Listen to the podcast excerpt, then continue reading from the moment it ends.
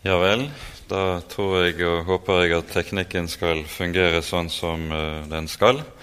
Og så skal vi gå inn i dette som uh, kalles for reformasjonens hovedartikkel. I uh, de smalkaldiske artiklene som Eh, ble skrevet av Martin Luther syv år etter at Augustana var fremlagt som bekjennelse.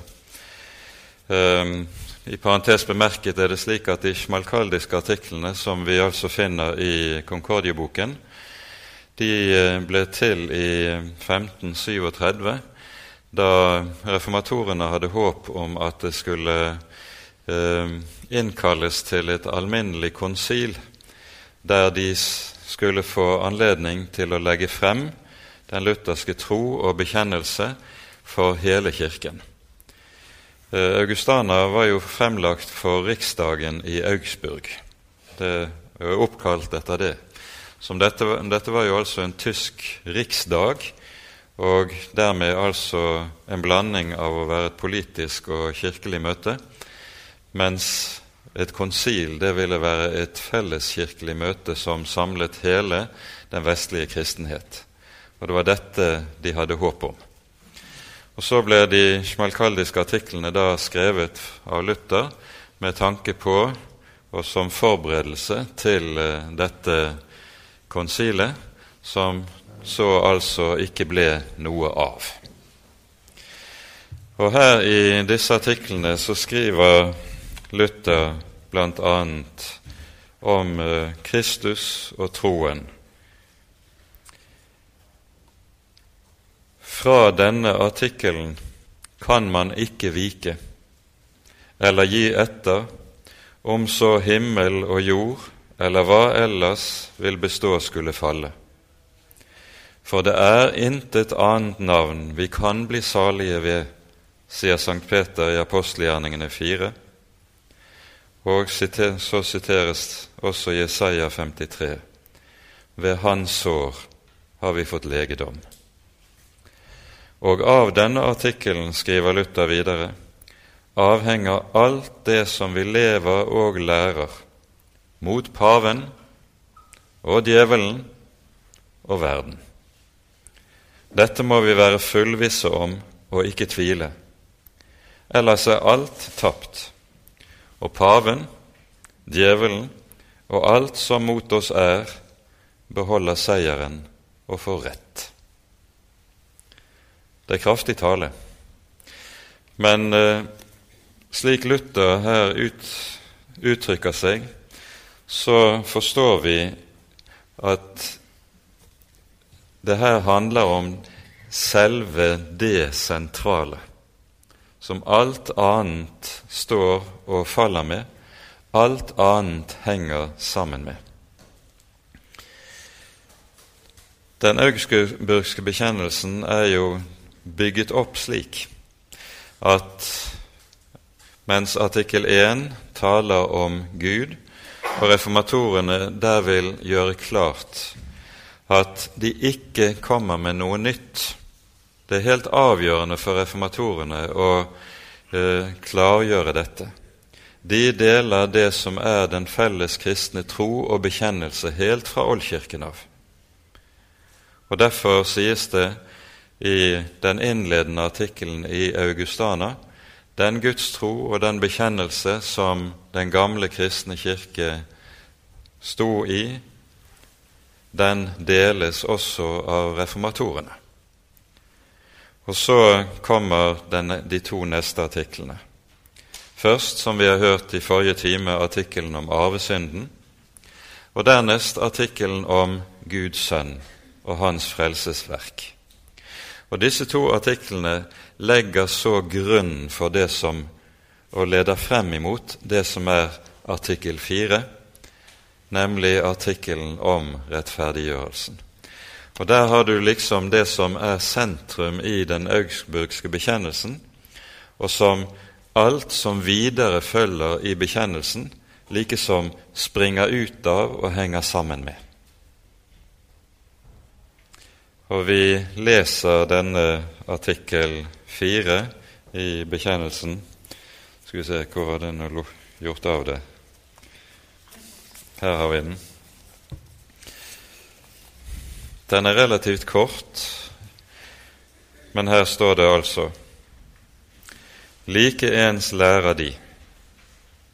Legg merke til det som er ment når det sies 'lærer de'.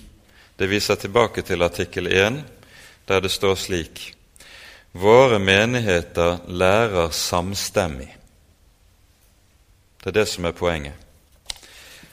Og vi kunne si, når det gjelder artikkel 4, våre menigheter lærer samstemmig at menneskene ikke kan bli rettferdiggjort overfor Gud ved egne krefter, fortjenester eller gjerninger, men at de blir rettferdiggjort uten vederlag for Kristi skyld, ved troen, når de tror at de blir tatt til nåde, og at syndene blir forlatt for Kristi skyld.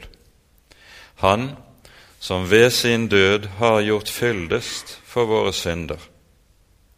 Denne tro tilregner Gud som rettferdighet for seg. Og så står det henvisning til Romerbrevet kapittel 3 og kapittel 4, som jo er noen av de helt sentrale bibelske avsnittene som lærer nettopp dette. Når man ser tilbake på reformasjonen, så sier man gjerne at det reformasjonen er, det er svaret på et bestemt spørsmål. Hvordan finne en nådig Gud? Og Ofte blir det slik i våre dager, Arne Helge var innom det også, at eh, en kommenterer dette med å si at mennesker av i dag de eh, spør ikke etter en nådig Gud. Det er vel helst motsatt, at uh, det er et spørsmål om Gud finner nåde for menneskenes øyne. Men det som er det bibelske poeng når man stiller dette spørsmålet etter den nådige Gud, det er at mennesket aldri av seg selv spør etter en nådig Gud.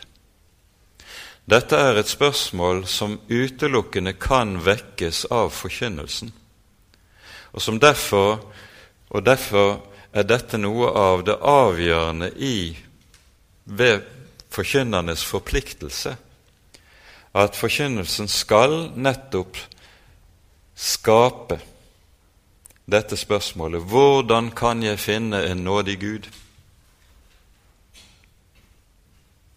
Hvorfor spør ikke mennesker etter den nådige Gud av seg selv, ganske naturlig? Årsaken ligger i det som er menneskets hovedproblem. Det er menneskets egenrettferdighet. I Ordspråksboken kapittel 16 vers 2 står det følgende.: Alle en manns veier er rene i hans egne øyne, men Herren veier åndene.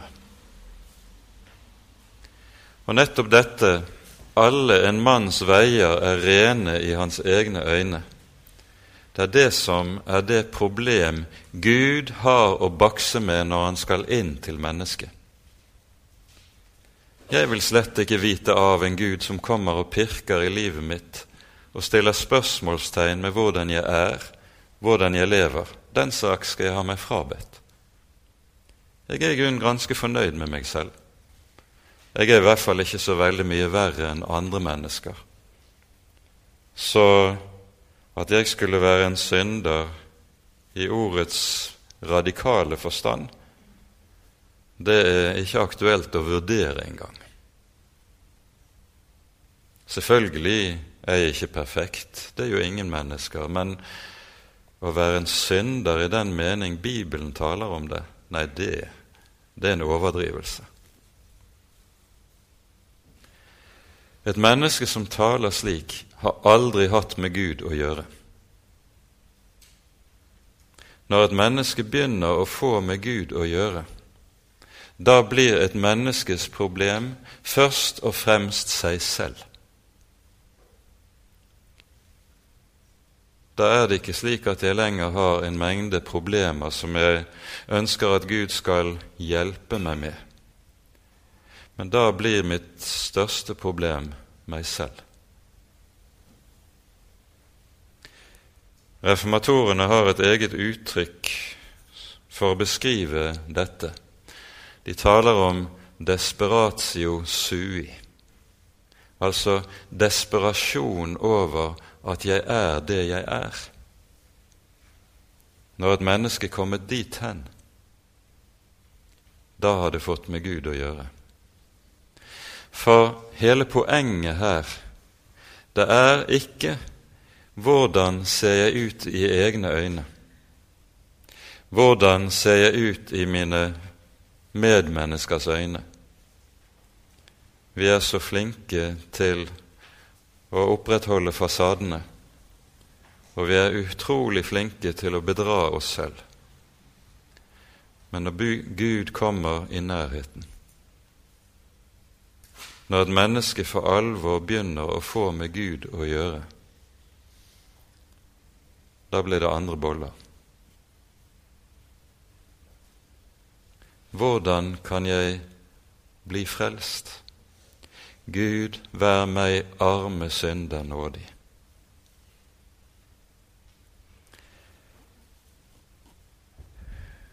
Det er denne kamp Martin Luther har stått opp i. I klosteret kjempet han med dette for han var begynt å få med Gud å gjøre. Hvordan kan jeg bli bedre? Hvordan kan jeg bli annerledes? Hvordan kan jeg få forandret på mitt hjerte slik at Gud kan godta meg, slik at jeg kan fortjene nåden, slik at Gud vil gi meg tilstrekkelig nåde til at hjertet forvandles og jeg blir et Gud velbehagelig menneske? Og så strever han på å arbeide på sitt eget hjerte for å forandre på det. Men det lar seg ikke forandre. Det er en veldig nød for ham at han ikke engang kan angre sine synder slik som han skal. I katolsk teologi i datiden så talte man om anger i dobbelt forstand. Det er to slags anger. Du kan enten angre av kjærlighet til Gud, eller du angrer av frykt for Gud. Angrer du av frykt for Gud, redsel for Guds dom, da er vel det egentlig ikke en reell anger. Dypest sett er det bare frykt for straffen og for konsekvensene av hva du har gjort. Og Derfor er anger av frykt for Gud slett ikke nok, godt nok grunnlag til å kunne tro at syndenes forlatelse gjelder. Hvis Gud skal gi deg sin nåde, så må du angre av kjærlighet til ham. Da kan du få syndenes forlatelse i fullt mål. Men den arme Luther klarte ikke å angre av kjærlighet til Gud. I stedet led han under en veldig redsel for helvete og fortapelsen, som han tidvis kunne føle seg hengt over fortapelsens flammer som i en tynn tråd. Det er en redsel som kanskje nesten har gått på forstanden løs i perioder. Og så kommer dette i tillegg. Når jeg ikke engang kan angre rett, hvordan kan jeg da ha håp om å få del i Guds nåde? På denne måten å kjempe med seg selv er det Luther gradvis begynner å erfare noe om sitt eget hjerte som vi har hørt om i den forrige timen, om hjertets beskaffenhet. En beskaffenhet som er av en slik art at hvis Gud skulle skjenke sin nåde på grunnlag av noe jeg kan få til i mitt eget hjerte, da er det ikke håp for meg. Da er jeg fortapt. Og dette er Luthers fortvilelse. Dette er hans kamp. Dette er det han strever med i år etter år, inntil han gradvis begynner å få lys over hva Bibelen har å si om hva frelse og hva nåde, om hva Guds rettferdighet egentlig er og dreier seg om. Og så formuleres det altså som vi har hørt det, med ord hentet fra Romerbrevets tredje og fjerde kapittel i Augustanas artikkel 4. Det som løste, det som ga et forpint hjerte fred og trygghet. For det er jo dette det dreier seg om. Her er det ikke tale om teologiske spissfindigheter som kan diskuteres i akademia. Det handler om det fortvilede hjertet som står for den hellige Gud og trenger trøst. Og det er jo det alt som skjer i reformasjonen, dreier seg om. Å finne den trøst som holder. Holder i møte med den hellige Gud den trøst som er tilstrekkelig til å dekke et hjerte som er fullt av mørke. Den trøst som bærer, også i møte med død og med grav og med Guds dom. Det er det det handler om. Den store trøst. Og denne trøst og grunnlaget for denne trøst den ligger ikke i menneskets hjerte. Og det er det som gir fred. Luther oppdager evangeliet, og hva evangeliet er for noe. I artikkel 4 i Augustana sies det slik denne tro tilregner Gud som rettferdighet for seg. Gud tilregner. Dette uttrykket, eller dette verbet, anvendes en rekke ganger i Romerbrevets tredje og fjerde kapittel.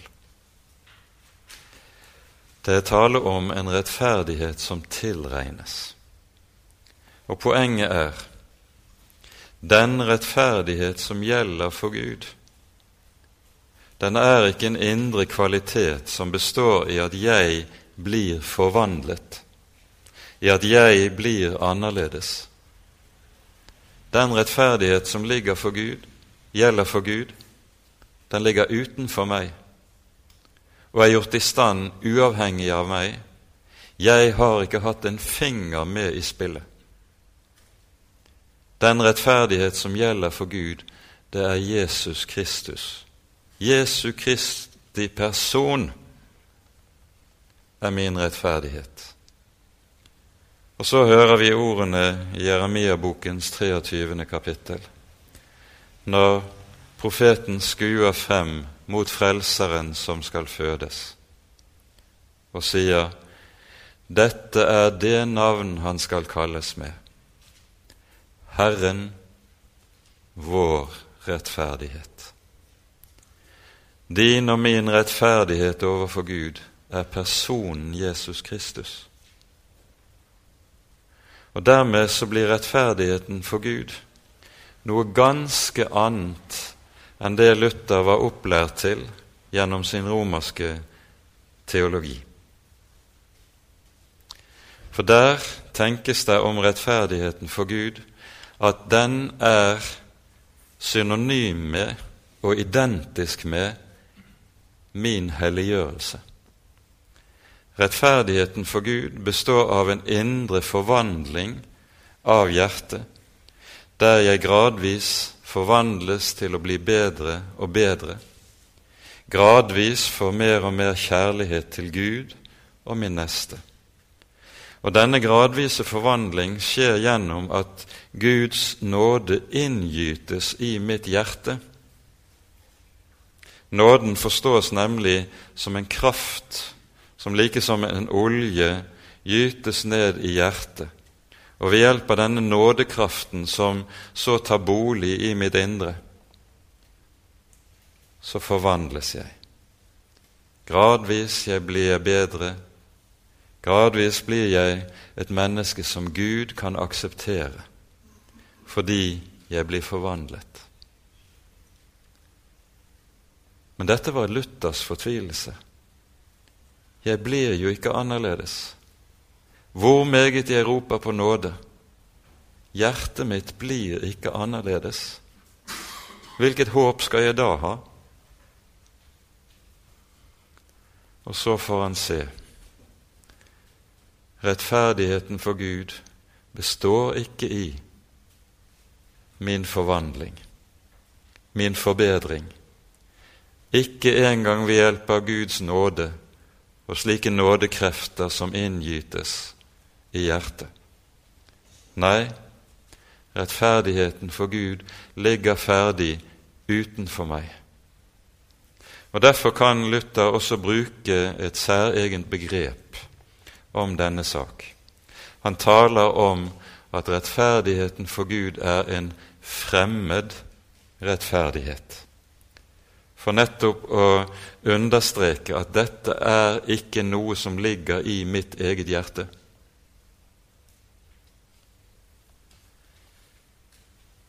Og i dette ligger det også en veldig sjelesørgerisk kraft. Fordi det jo er slik at når hjertet i mørket og i fortvilelse stiller spørsmålet hvordan kan jeg vite at Gud vil være meg nådig? Hvis hjertet da er henvist til å se innover i seg selv for å finne noe grunnlag for at jo, nå ser jeg at Gud virkelig har begynt å arbeide i meg. Da må det være håp for meg. Men ser en inn i seg selv, så ser jeg jo hvordan det er fatt der. Jeg ser halvheten. Jeg ser hulheten. Jeg ser hvordan selv de beste handlinger er beheftet med smuss jeg ser alt det som slett ikke er som det skulle være i mitt eget hjerte.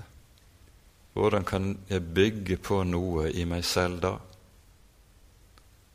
Jo mer jeg ser på mitt eget hjerte, jo mer må jeg bli uviss.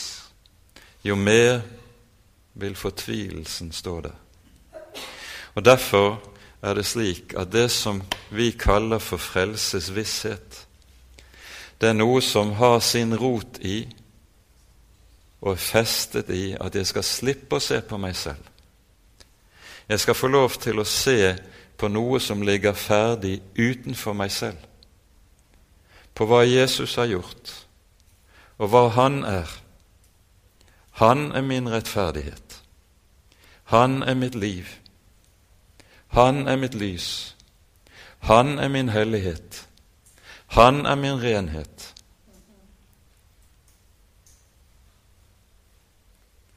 Jeg har det ikke i meg selv, men jeg har det i personen Jesus Kristus. Og så tales det altså om den fremmede rettferdighet.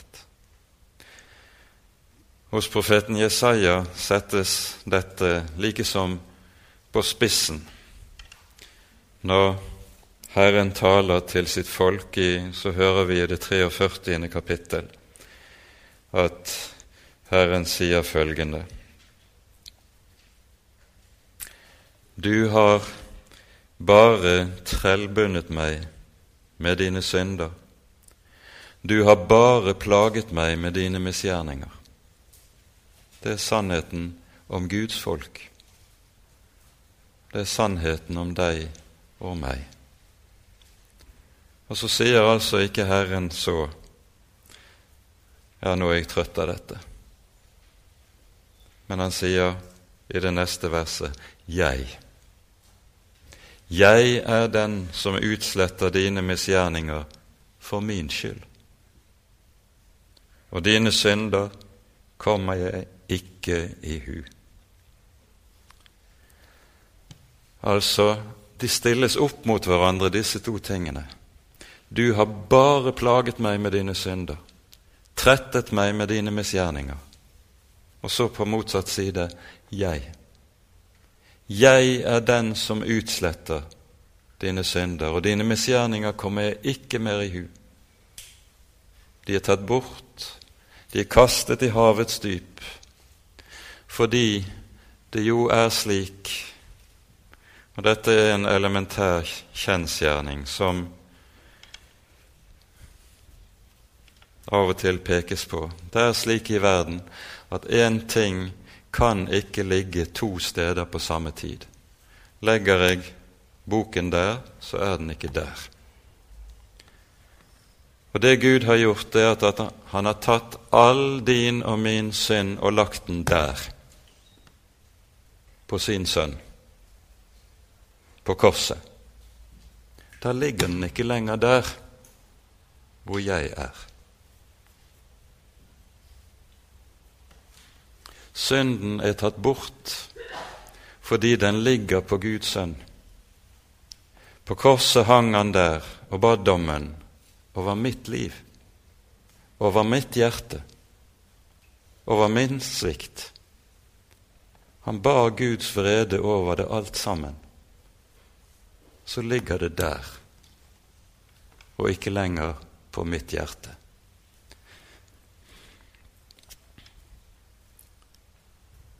Han ble aktet skyldig, slik at synden kan tas bort og være forlatt. Og så er jeg fri. Så er det ikke lenger noe som står imellom Gud og meg og stenger veien. Synden er forlatt for Jesus skyld, for han har båret det. Og så kan Gud være far. Gud stelle med meg som sitt elskede barn. Og så kan jeg leve her i verden som hans egen, selv om jeg er som jeg er. For sammen med dette som vi her er inne på, hører en grunnsannhet som kom til å bli helt avgjørende i hele den lutherske tenkning om frelsen og rettferdiggjørelsen. Det at det rettferdiggjorte mennesket er samtidig synder og rettferdig. Et kristent menneske er begge disse to saker på én og samme tid. I meg selv er jeg en synder. Ser jeg på meg selv, så ser jeg ikke stort annet enn min synd. Men samtidig eier jeg i Kristi person, gitt meg av Faderen selv som gave en fullkommen rettferdighet som ikke trenger å pyntes på, ikke trenger å forbedres, ikke trenger å suppleres. Den er fullkommen. Fordi Jesus var syndfri i all sin ferd. Og denne Jesus' syndfrihet tilregnes meg. Den er min. Ved troen ved troen, ikke ved gjerninger. Og det er jo hele poenget, at din og min gjerning nettopp utelukkes fordi den intet duger til å bringe meg et eneste hakk nærmere Gud. Selv min beste gjerning er jo befengt med synd. Så innbiller jeg meg at jeg skal kunne fortjene Guds nåde ved å forbedre meg, så er jo ikke det noe annet enn å tilby Gud ytterligere synd. Han vil ikke se det for sine øyne. Nei, han sier i stedet du skal få lov til å legge alt til side. For i min sønn har du alt, og jeg tilsier deg alt han er, og alt han har gjort. Fordi frelsen er Guds gjerning, ikke din og min gjerning. Og her er det du har det avgjørende bruddet med romersk-katolsk teologi,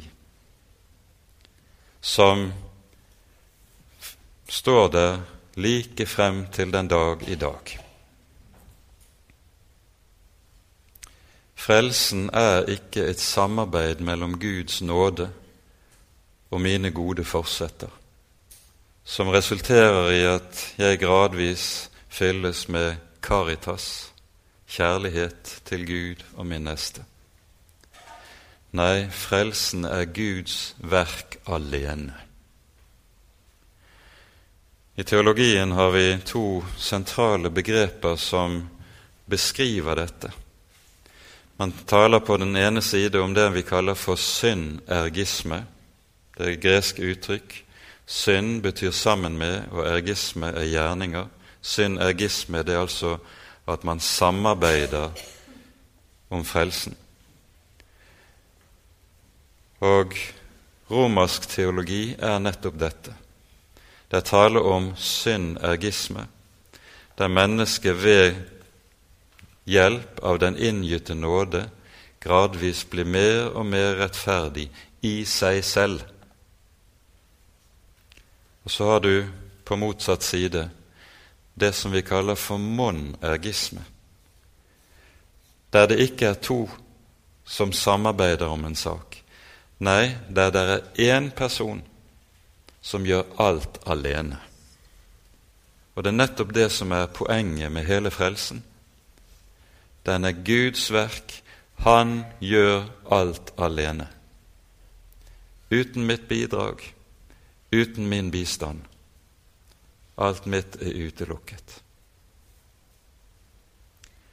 Er dette Herren taler til sitt folk i Jesaja-bokens femte kapittel, når Herren taler om hvorledes Han har frelst dem, løst dem og gitt dem alt de trenger for tid og for evighet. Og så stiller Gud spørsmålet til dette folk som nå holder på å vende ham ryggen.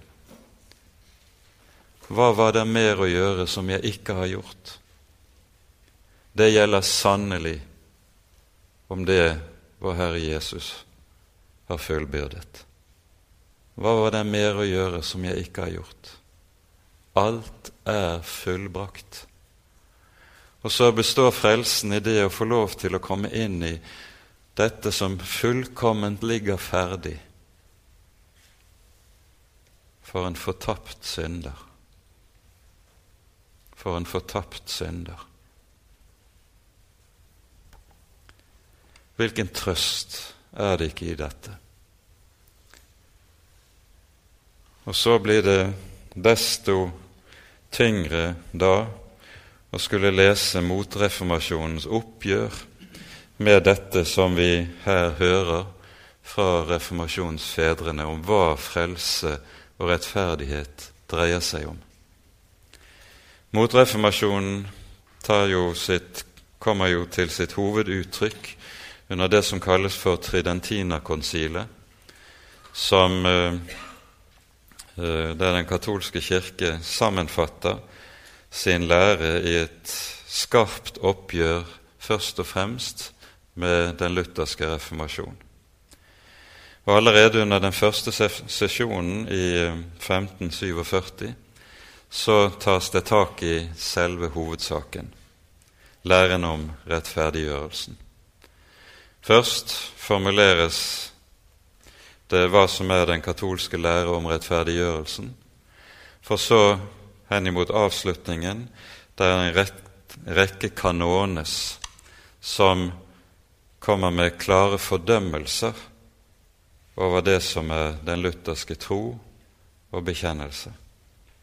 Det er 33 slike fordømmelseskanones, og i den tolvte av disse står det følgende Hvis noen sier at den rettferdiggjørende tro ikke er annet enn tillit til den guddommelige barmhjertighet, som tilgir syndene for Kristi skyld, eller at det er ved denne tillit ved denne tillit alene vi rettferdiggjøres. Han være forbannet. Dette er fortsatt katolsk kirkelære. Lignende er å lese i de andre kanones, men her er det sagt meget tydelig.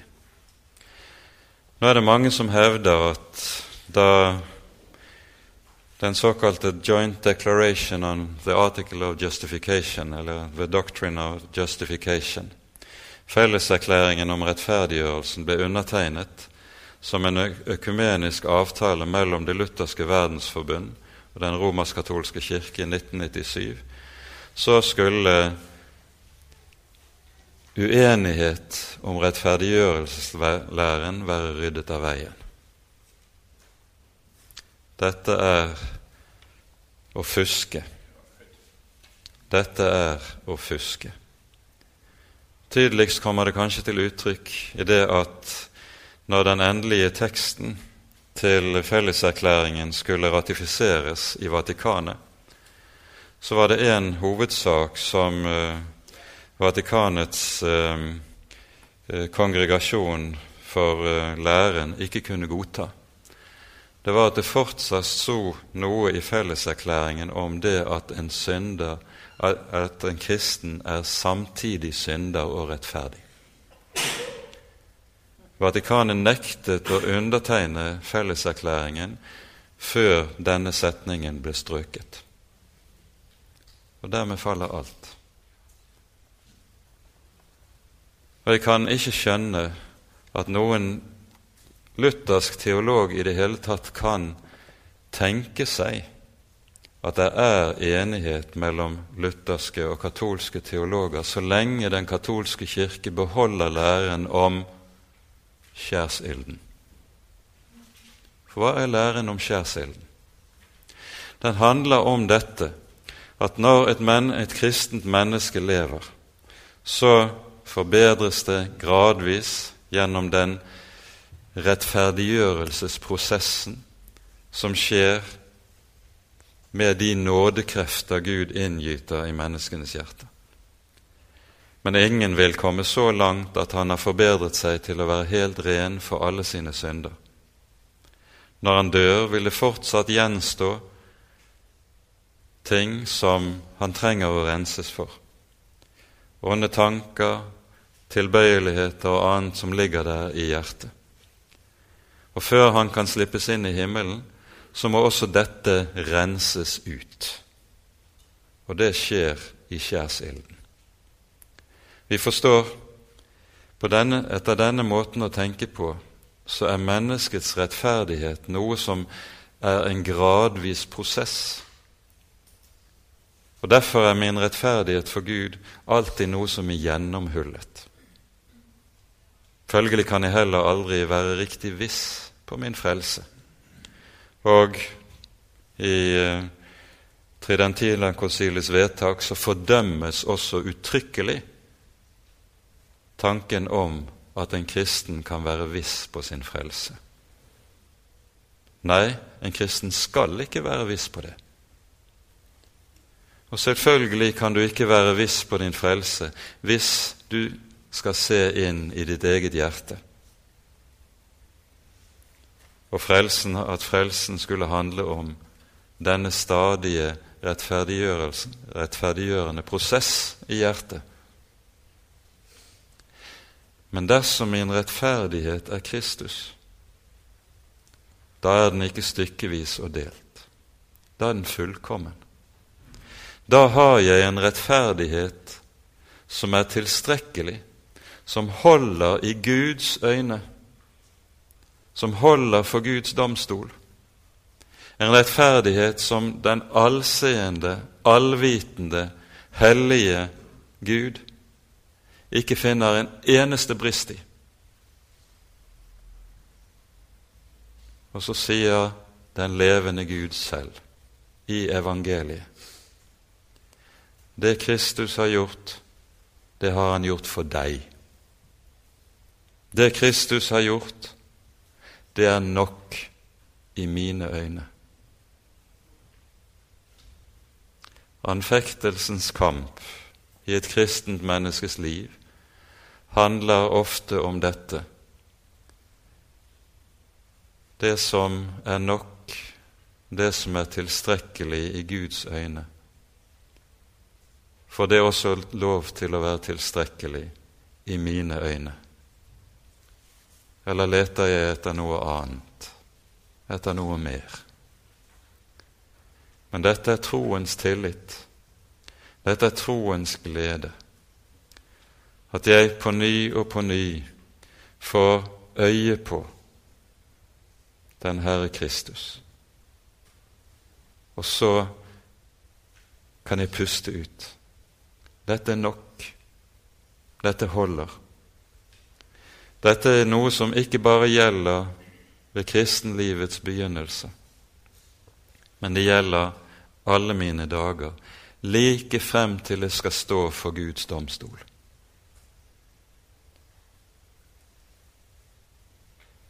På den siste dag, når jeg skal møte den levende Gud, så kan jeg ikke komme til ham og vifte ham opp i nesen med min helliggjørelse. Den holder ikke. Den er og blir stykkevis og delt. Men jeg skal få lov til å si ja, jeg er en synder og har aldri vært noe annet, men du har selv gitt meg din sønn. Han er min rettferdighet. Han er mitt liv. Han er min frelse. Og på den grunnvoll kan du ha håp i møte med død og grav og dom. For Han som er reist opp fra de døde, over ham har døden og dommen, djevelen og alle onde makter, de har ingen makt over ham. Og han er min. Og den levende Gud har gitt ham til deg. Ære være Faderen og Sønnen og Den hellige ånd, som var og er og være skal en sann Gud, høylovet i evighet. Amen.